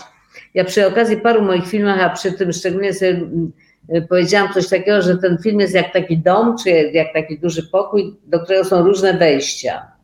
E, różne wejścia i różne okna, i można tam zajrzeć albo wejść z różnych punktów widzenia, i to wtedy co innego znaczy. Także on jest taki pozornie, pozornie prosty, a jest myślę bardzo złożony i można go też odbierać na różnych poziomach. Można po prostu iść za fabułą, a można też się zastanowić, co ona właściwie znaczy. Tak, i ten film y, też ma dość specyficzne zdjęcia. E, tam ten podział na dobro i zło, czy powiedzmy sobie światło i cień jest taki trochę jak u Caravaggia, tak? To chyba coś takiego operatorsko musieliście zakładać. Ja obejrzałem sporo twoich filmów ostatnio, ale wydaje mi się, że w tym tak szczególnie było dużo takich ujęć. Tak, on jest taki, myślę, że światło gra tam bardzo ważną rolę, również dlatego, że przy pomocy światła i koloru y, zmieniamy y, epoki, bo ten film ma flashbacki, które rzadko występują w moich filmach, y, powroty do przeszłości i Martin Szczerba, który jest operatorem, z którym robiłam i Janosika, robiliśmy z Kasią i też Gorejący Krzew, jest bardzo wybitnym operatorem i i, on może robić coś szalenie takiego wyrazistego i sensualnego, ale jednocześnie nie jest to takie narzucające się konceptualnie. Y, dzięki czemu to jak gdyby gdzieś to się odbiera bardziej tak y, y, emocjonalnie, podświadomie, niż że tak patrzysz na to i mówisz, a tutaj zrobili tak, a tutaj zrobili śmak. Ale tak jestem, no jest, jakoś tak myślę, że wyszedł ten film. Można, można go obejrzeć w kinie teraz w Polsce bo w niektórych kinach Gutek Film go wypuściłam, wyszedł coś nie wiem, tydzień czy, czy dwa tygodnie przed lockdownem ostatnim, no i teraz w niektórych, w niektórych kinach można go jeszcze zobaczyć, plus na jakichś tam platformach. Tak, tak. Y, Ten film trzeba zobaczyć w kinie. Moim zdaniem to właśnie to jest jedno z tych y, dzieł, czy z tych utworów, które jeśli się zobaczy na małym ekranie, to ta cała zabawa ze światłem i te pobudowanie kadru i tak dalej, to ucieka, tak? Pozostaje ta fabułka, która też jest ciekawa, ale no, tam nie, nie przeniesie się to. Tak, tak mi się wydaje. Dobrze, Agnieszko, to teraz przechodzimy już do współczesności, to znaczy y, do, do, do, do tego, co ja nie skończyłem teraz na świeżo oglądać, chciałem sobie przypomnieć. E, se, y, wiem, że ty weszłaś bardzo mocno w seriale, formatujesz seriale dla Amerykanów, robisz e, rzeczy niezwykłe tam, ale je zostawmy to daleko i e, mimo, że ja jestem wielkim admiratorem House of Cards, to mojemu sercu najbliższa jest ekipa. E, I jak teraz zobaczyłem ekipę na świeżo, to prawdę mówiąc, nie mogłem się oderwać od ekranu, od tych pierwszych odcinków.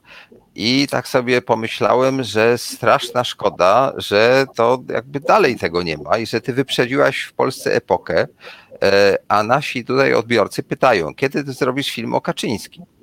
E, ja już tak bezczelnie skracam dystans, e, ale na ile właśnie można chwytać ten dzień dzisiejszy, tak? E, czy uważasz, że rzeczywiście jest szansa nie uciekać, ta, no, ta ucieczka zresztą jest bardzo szlachetna w obrazowanie straszliwych zbrodni Stalina, głodu na Ukrainie i tak dalej, tylko pokazanie tego, co się dzisiaj tutaj dzieje. E, I czy ty nie jesteś w zasadzie jedną z bardzo nielicznych osób, które mogłyby próbować to zrobić? Tak jak zrobiliście to w ekipie.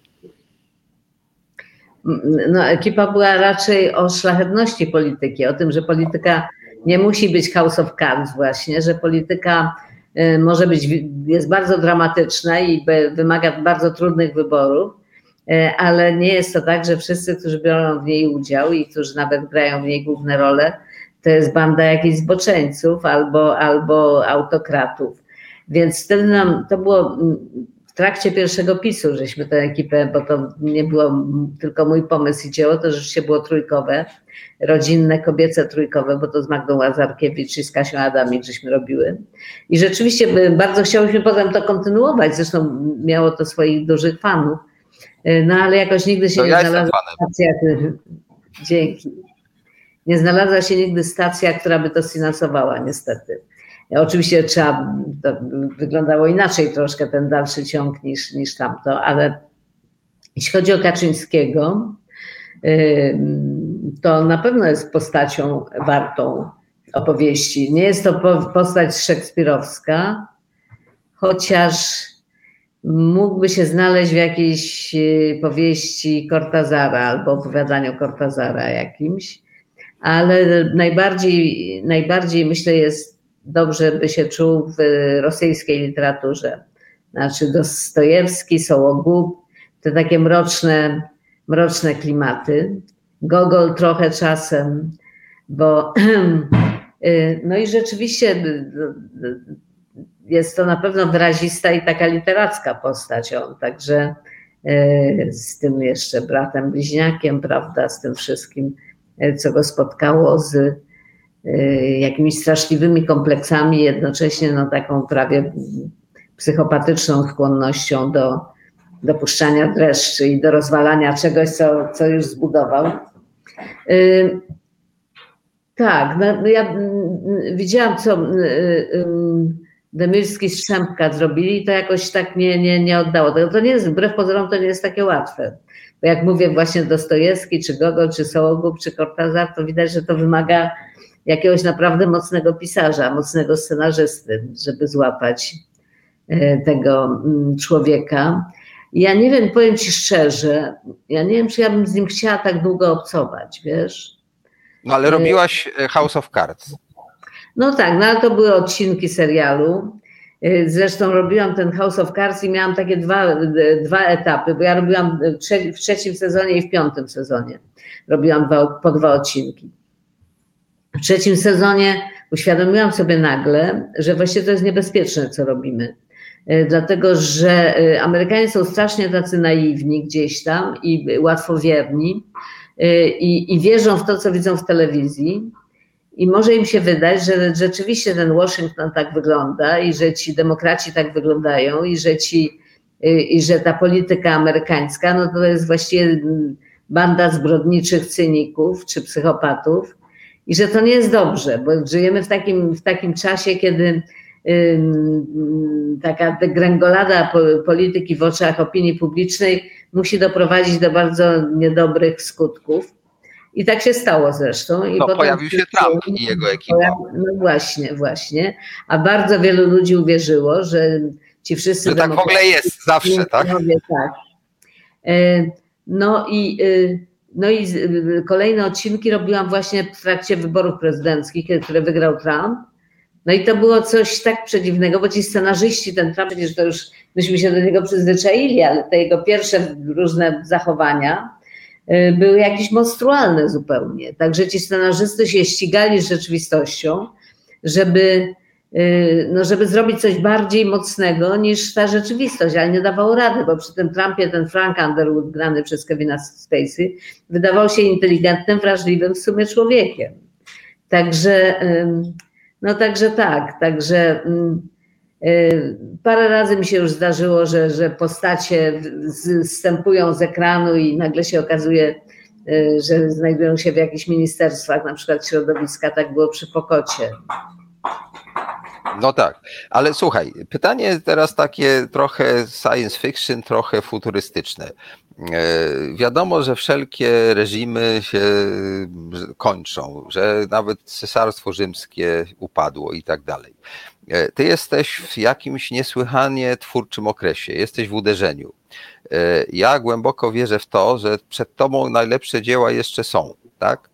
E, I jeśli, no nie wiem, czy minister Gliński pójdzie śladami ministra Tejchmy kiedykolwiek, Ale y, pytanie jest takie, gdyby y, Piotr Gliński do ciebie zadzwonił i powiedział, Pani Agnieszko, no mieliśmy różne tam okoliczności, ale Pani jest tą prezydentką, Pani jest rzeczywiście teraz y, najwybitniejszym polskim filmowcem. Daje Pani wolną rękę, co Pani chce nakręcić? Co Ty odpowiadasz? No wiesz, nie wiem, czy bym się dobrze czuła, żeby to dostać jako prezent od ministra jakąś możliwość nakręcenia czegoś, ale coś bym wymyśliła zapewne. No słuchaj, w latach 70. musieliście prowadzić pewne gry. Ja pamiętam, że Zanussi nam opowiadał, że jak mu odrzucili w telewizji scenariusz, to on napisał list do prezesa, taki dosyć żałośliwy, ale pełen godności, że jak to możliwe i tak dalej. I efekt był taki, że dali mu zrobić ten jego pierwszy, y, chyba strukturę kryształu, czy w każdym jeden z pierwszych jego filmów, tak? Mm. Jak e, ja tu propozycją Gardeja, nie chcę się przyrównywać do was gigantów, ale jak nie mogłem zrobić filmu o cenzurze w 81 roku w szkole, to Kieślowski mnie namówił, czy ja sam wymyśliłem, on to wsparł, żebym poszedł do dziennika telewizyjnego.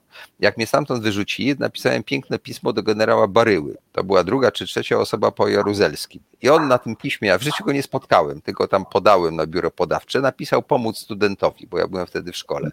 I dzięki temu zrobiłem film o dzienniku telewizyjnym od środka, tak? Więc czasem jakieś gry trzeba prowadzić i nawet y, y, z rąk no, tych, których no, nie wszyscy cenią, można otrzymać pewien dar i dać go ludziom, prawda? A poza tym Buchakow napisał, tak, że, że, że diabeł to ten, co tam niby robi źle, a w istocie przyczynia się do tworzenia dobra, tak? Ja to przekręcam, ale ten sens cytatu tak, taki jest. Ja nie jestem tak nie, nie, nieugięta, że w ogóle nie rozmawiam z obecnymi decydentami, y, albo nie uważam, że y, można robić filmy w Polsce, jeżeli tylko się to udaje tak, żeby człowiek nie robił czegoś, czego robić nie, nie, nie chciałby. Różnica między wiesz, PRL-em a teraz jest, że y, ci PRL-u, większość z nich, miała jednak jakiś taki kompleks, kompleks braku legitymacji do tego rządzenia. To znaczy, szczególnie w tej fazie PRL-u, którą już wiesz, już po grudniu, po, po, po, po marcu, po, po, no, po Solidarności to już w ogóle, było takie jak, jakieś poczucie, oni się upijali, potem właściwie ci mówili, wiesz, że są Konradami, Walenrodami. Natomiast ta obecna władza, jej y, arogancja się bierze w końcu z kartki wyborczej również, ponieważ wygrywają kolejne wybory, naród czy suweren, czy jak to nazwać, daje im placet do tego, żeby oni rządzili według tego, jak uważają za najlepsze, a oni uważają za najlepsze, żeby rządzić autokratycznie. To znaczy właśnie tak traktują publiczne pieniądze, również te, które dają twórcom, że właśnie im dają, że dają pieniądze, że dają ludziom pieniądze, jakby to były ich pieniądze. Oczywiście to nie są ich pieniądze, to są nasze pieniądze, czyli tak zwanego społeczeństwa. I Y, no i nie tak to w ogóle powinno wyglądać. To nie są, mm, to nie są władcy, oni zarządzają czy administrują raczej różnymi dziedzinami, starając się, żeby wyniknęło z tego jak największe dobro wspólne. I tak, tak w każdym razie powinno być. No ale ponieważ oni mają, patrzą na to inaczej, że zawłaszczyli ten, ten, ten, ten kraj w dużym stopniu y, i, mm, no i są bardzo aroganccy. Y, znaczy nie wszyscy, bo oczywiście ludzie są różni, zawsze się znajdzie ktoś, kto robi tak naprawdę dobrą robotę albo nie taką złą robotę. Jeśli chodzi o ministra, no to mm, trudno, mi, trudno mi coś mówić o nim. On rzeczywiście też by się znalazł na kartach jakiejś rosyjskiej powieści. Y, no ale rzeczywiście, jeżeli przyjdzie do mnie pan minister Gliński i powie, że mi daje te kilka ileś milionów i mogę zrobić co tylko chcę, no to wtedy się głęboko zastanowię, wiesz, ale nie będę tego wymyślać do przodu.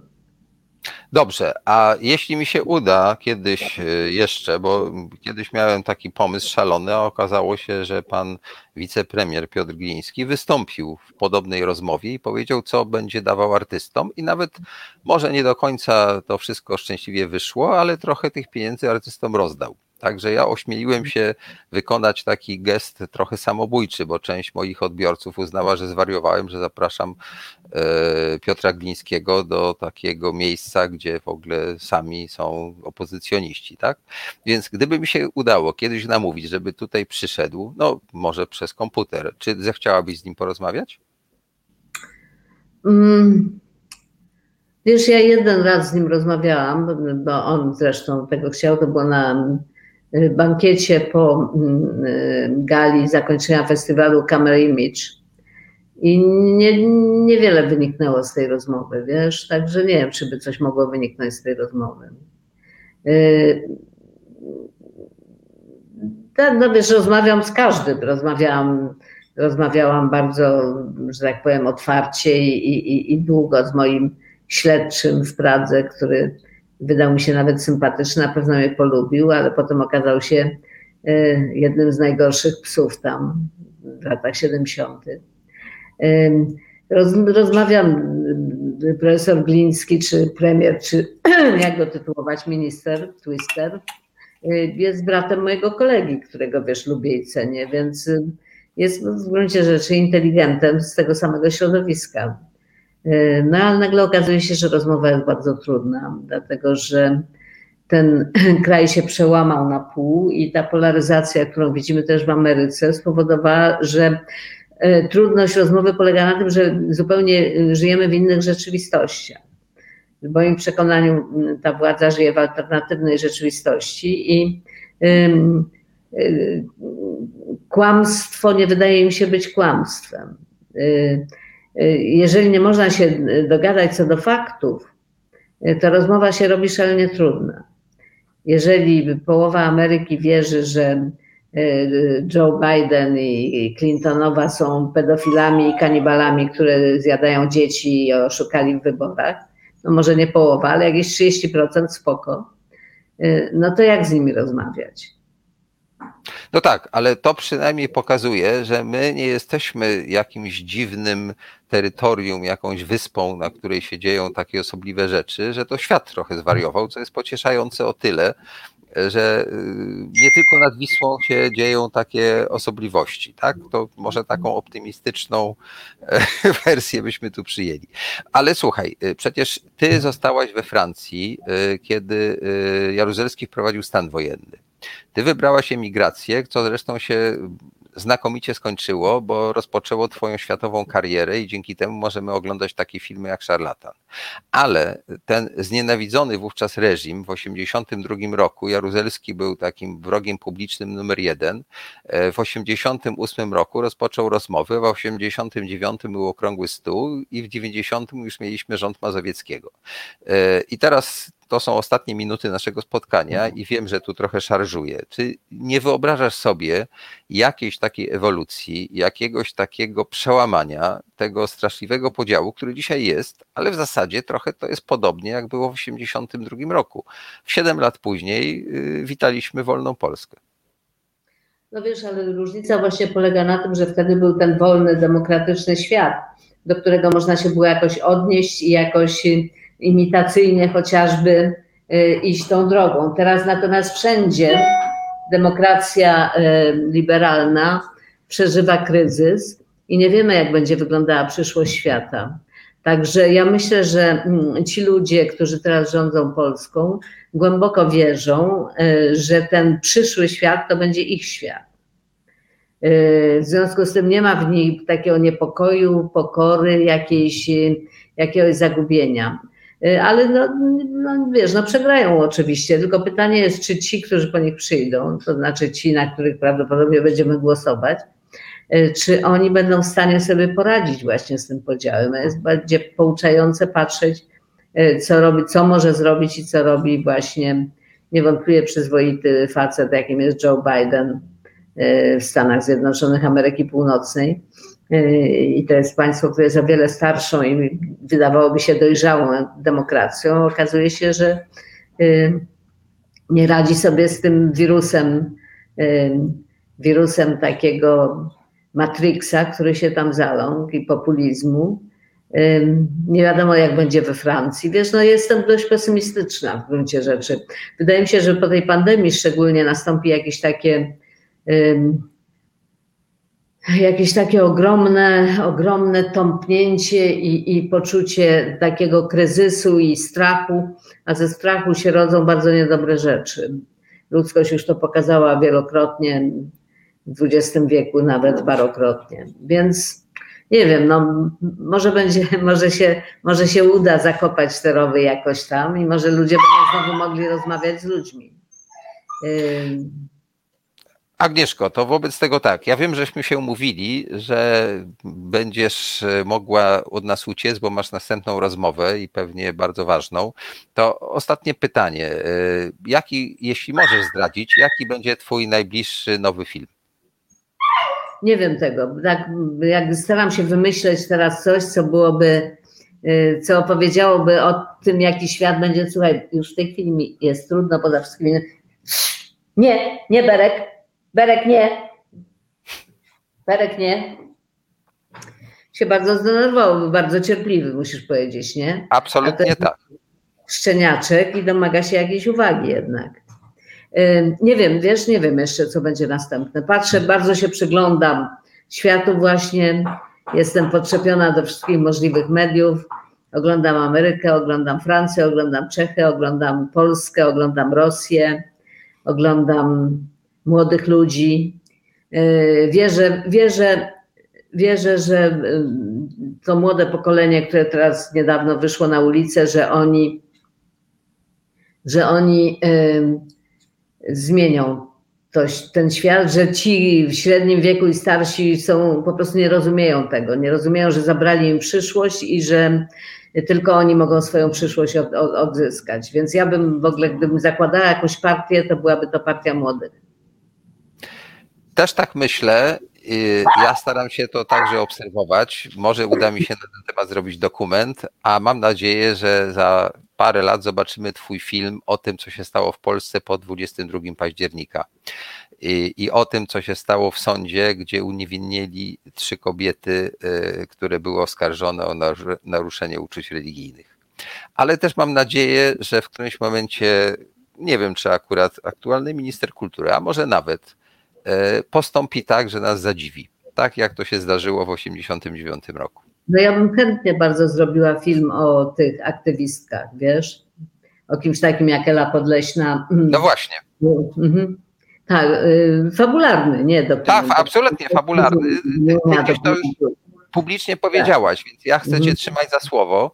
E, Ela Podleśna była już moim gościem, a kiedyś mi przeszkadzała w filmowaniu i bardzo się starliśmy, a potem się chyba trochę nawet polubiliśmy. Ja uważam, że jej się należy film, tak jak należy się Arkowi Szczurkowi i bardzo wielu ludziom, którzy dzisiaj nastawiają karku na ulicy. I Ty jesteś osobą, która ma o nich zrobić film. Obiecaj, że to zrobisz. No obiecać ci nie mogę, bo mam swój wiek i nie wiadomo co będzie, więc wiesz, chętnie bym zrobiła, to mogę powiedzieć. Y, też sędziowie są bohaterami takimi, niektórzy sędziowie są bohaterami naszych czasów. Mamy sporo bohaterów naszych czasów, także jest się na kim, na kim, kim inspirować. Tak, Dzi dzisiaj to nie człowiek z marmuru, tylko ludzie z marmuru, prawda? To całą serię można zrobić. To jest serial telewizyjny o bohaterach, którzy się urodzili po 2015 roku. Agnieszko, bardzo Ci dziękuję. E, mam nadzieję, że Cię nie zamęczyłem e, i e, liczę na to, że jeszcze kiedyś nas odwiedzisz. Dziękuję bardzo, chętnie. Pozdrawiam wszystkich, którzy nas słuchali i oglądali. Dziękuję. Dobranoc. Życzę Ci dobrej nocy. Prosimy o kawałek muzyki, a potem jeszcze coś Państwu opowiem. Słuchasz Resetu Obywatelskiego. Znudzeni mainstreamowymi newsami? Czas na reset obywatelski. Zaangażowane dziennikarstwo. Dobry wieczór. Witam wszystkich tych, którzy dopiero teraz się pojawili, e, którzy powinni żałować, ponieważ e, naszym gościem dzisiaj była Agnieszka Holland, można będzie obejrzeć potem na YouTubie i w formie podcastu tę rozmowę. E, Agnieszka musiała już e, uciec, ponieważ ma mnóstwo różnych innych zajęć, a i tak poświęciła nam ponad półtorej godziny, za co jeszcze raz jej dziękuję. A dzisiejszy program, tak przy okazji chciałem przypomnieć, mo możemy zrealizować dzięki temu, że sponsorowali go widzowie z grupy Rabarbar, a producentem wykonawczym jest Kongres Ruchów Miejskich, a realizuje go Krzysztof Kołaczyk.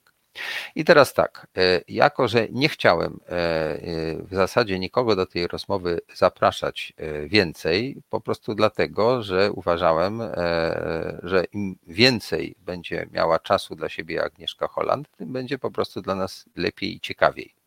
Miałem kilkakrotnie możliwość takich dłuższych rozmów z nią i po prostu wiem, że warto jej słuchać i warto z nią rozmawiać i to, czego się od niej dowiadujemy, jest na tyle czasem intrygujące, czasem odkrywcze, że zrezygnowałem z tego mojego panelowego takiego e, sposobu e, prowadzenia tych rozmów, e, ponieważ chciałem po prostu oddać jej pole i mam nadzieję, że jeszcze kiedyś będzie do nas mogła zawitać, jeśli oczywiście znajdzie czas, a Państwo będziecie mieli ochotę na taką kolejną rozmowę. Ale teraz chciałem od Państwa też usłyszeć, a właściwie może przeczytać e, opinie e, i sugestie, co byście chcieli dalej w takich programach, takich rozmowach e, poznawać, słyszeć i widzieć. Ja mam chwilę, kiedy mogę powiedzieć o pewnym moim takim sposobie działania, ponieważ mam tutaj pewnego rodzaju założenia wynikające z mojej głównej profesji. Mianowicie, ja zawodowo zajmuję się robieniem filmów, czyli y, przygotowuję, rozpoznaję temat, y, szukam bohaterów. Y, zwykle to są filmy dokumentalne, aczkolwiek nie zawsze. E, co prawda od dość długiego czasu nie realizowałem żadnego filmu fabularnego, ale po pierwsze wcześniej to robiłem, po drugie dalej piszę teksty, e, piszę scenariusze, piszę powieści i mam nadzieję, że jeszcze kiedyś będę mógł e, film fabularny zrobić, bo mam kilka bardzo ciekawych mam nadzieję, że ciekawych pomysłów i mam nawet kilka gotowych scenariuszy. A w tej chwili pracuję nad kolejnymi dokumentami. Jeden z nich w takiej dość prostej e, reportażowej formie mogą Państwo oglądać e, e, na stronie telewizji europejskiej Arte. I to jest film, który w pewnym sensie był taką moją oceną, czy taką próbą pokazania tego, co się w Polsce dzieje, przynajmniej w zakresie konfliktu aborcyjnego ale ten konflikt aborcyjny w istocie jest konfliktem dotyczącym w ogóle podchodzenia do, do życia, do świata, do sposobu, w jaki ze sobą możemy żyć. E, namawiam Państwa do tego, żebyście e, na ten półgodzinny filmik spojrzeli, e, szczególnie, że mm, Arte, widząc, że jest spore zainteresowanie, mimo że pierwotnie chciała, chciało go, ta telewizja chciała go jedynie przez miesiąc eksploatować, przedłużyła jego istnienie na portalu i będzie aż do maja. W międzyczasie y, prawdopodobnie rozpocznę pracę nad nowym projektem, bo już mi zaproponowano, żebym y, po tym w podobny sposób spróbował opowiadać dalej o Polsce, co jest dla mnie bardzo e, ciekawym wyzwaniem i szukam w tej chwili dobrego tematu, który pokazywałby jakiś istotny konflikt, który tutaj istnieje, jakiś problem i dwie strony, ponieważ zasada E, jaka obowiązuje w tym paśmie, to się nazywa artere i w ogóle w mediach e, zachodnich, w publicznych mediach jest taka, że dobrze jest przedstawiać e, zjawisko z różnych punktów widzenia, no przynajmniej dając szansę na pokazanie dwóch stron. To jest taka podstawowa zasada BBC, czy podstawowa zasada takich demokratycznych mediów, tak zwany balanced view. Oczywiście nie wszystkie tematy się do tego nadają i nie zawsze udaje się e, e, w ten sposób podchodzić do, do, do problemu, bo czasem racje nie są w ogóle równo rozłożone, a czasem jest tak, że jedna ze stron nie chce się pokazać, nie chce występować i tak dalej. W naszym dzisiaj bardzo podzielonym kraju niestety często to spotykam.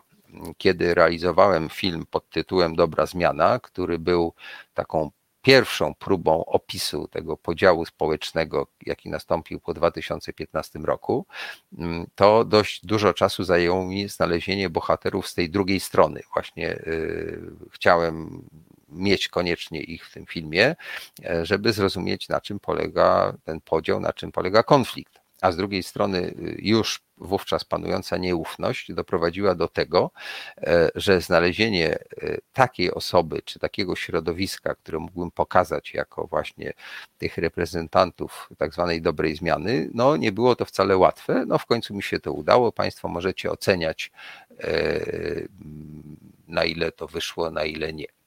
Y, na chwilę chcę wrócić jeszcze wobec tego, że tutaj czytam e, y, Wasze mm, opinie o tym, co do tej pory było w tym naszym dzisiejszym spotkaniu e, i widzę, że e, Agnieszka Holland no, słusznie wzbudziła Państwa wielkie zainteresowanie E, i że mnóstwo zadaliście pytań, których niestety nie zdążyłem uwzględnić, po prostu dlatego, że miałem przygotowaną swoją agendę, a i tak e, wszystkich moich punktów nie zdążyłem uwzględnić. Może uda nam się jeszcze kiedyś z Agnieszką Holland porozmawiać.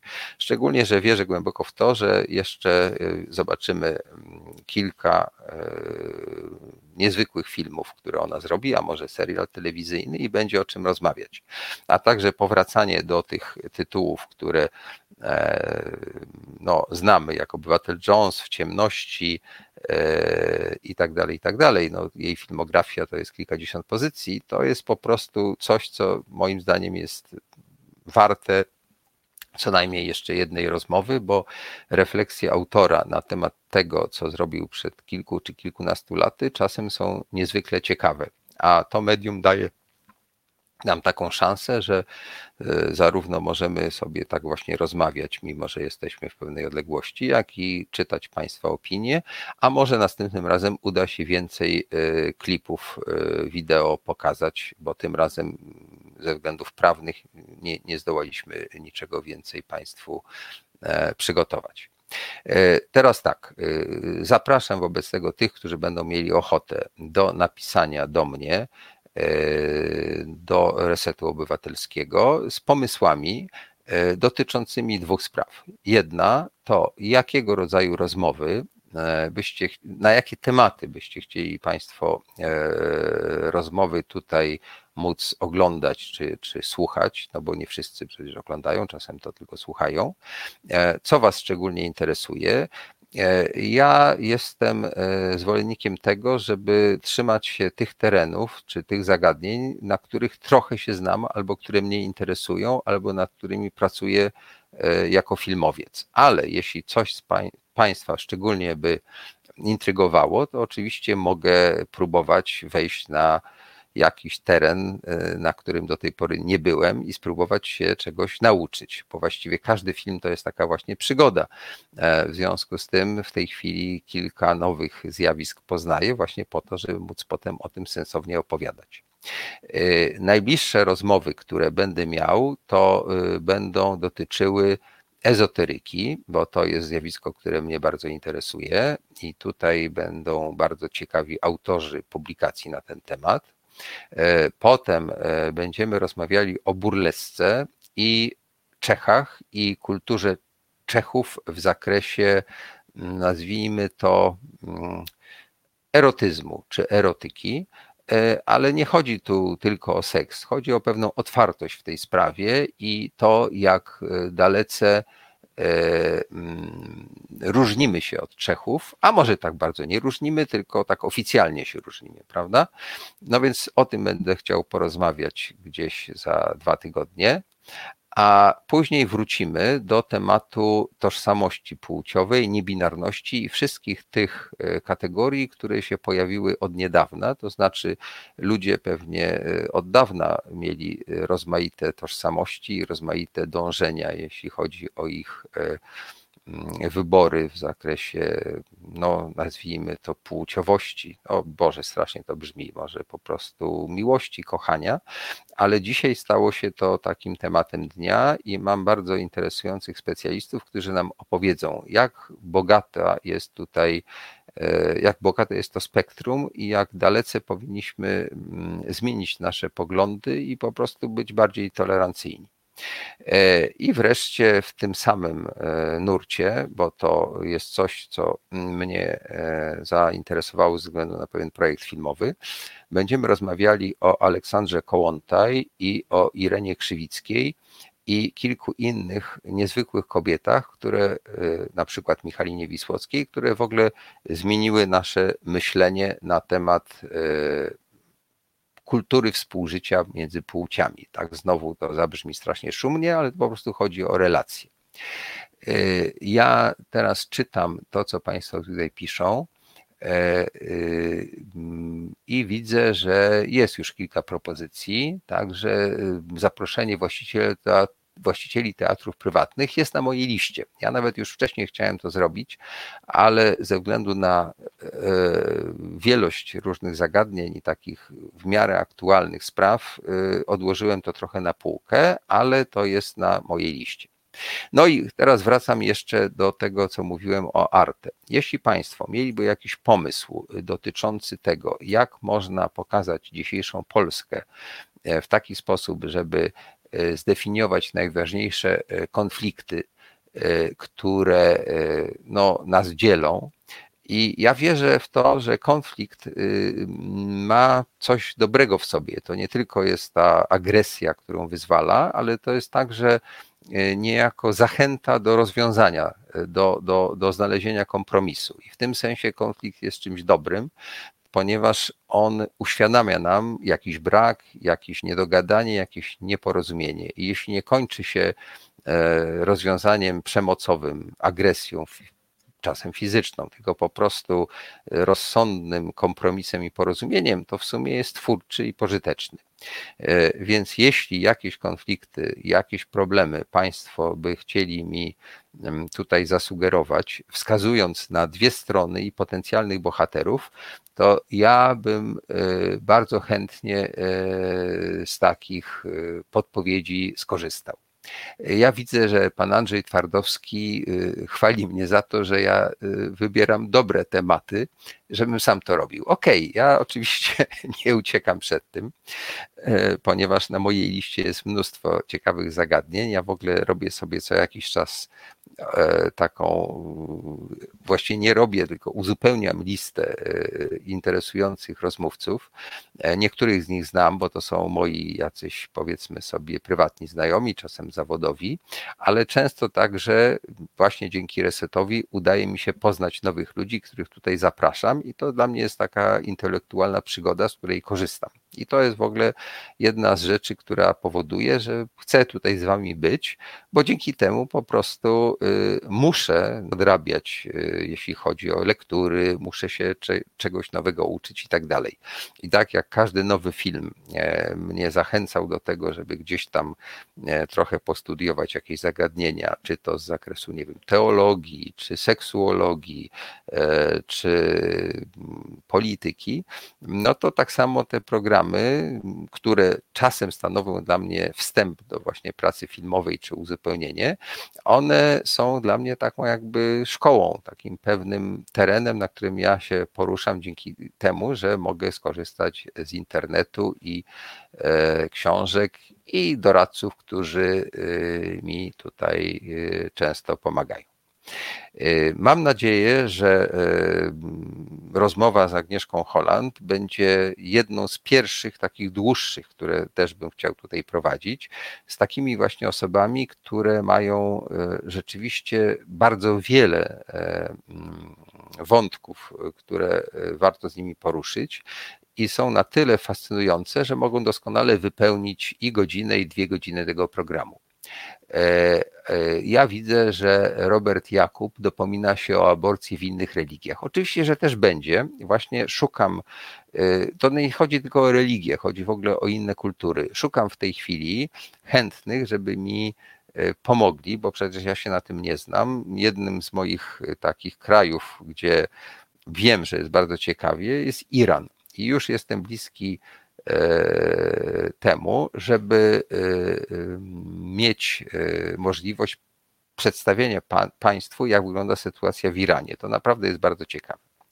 No to chyba na dzisiaj tyle. Ja myślę, że niestety nie jestem w stanie y, dodać lepszej puenty do tego, co y, mieliśmy wcześniej z Agnieszką, więc po prostu bardzo dziękuję za to, żeście Państwo dzisiaj cierpliwie jeszcze wysłuchali tych moich ostatnich słów i zapraszam za tydzień. Dziękuję Krzysztofowi za realizację, Kongresowi Ruchów Miejskich za to, że był producentem wykonawczym i widzom z grupy Rabarbar za to, że sfinansowali dzisiejszy program. Dobranoc Państwu.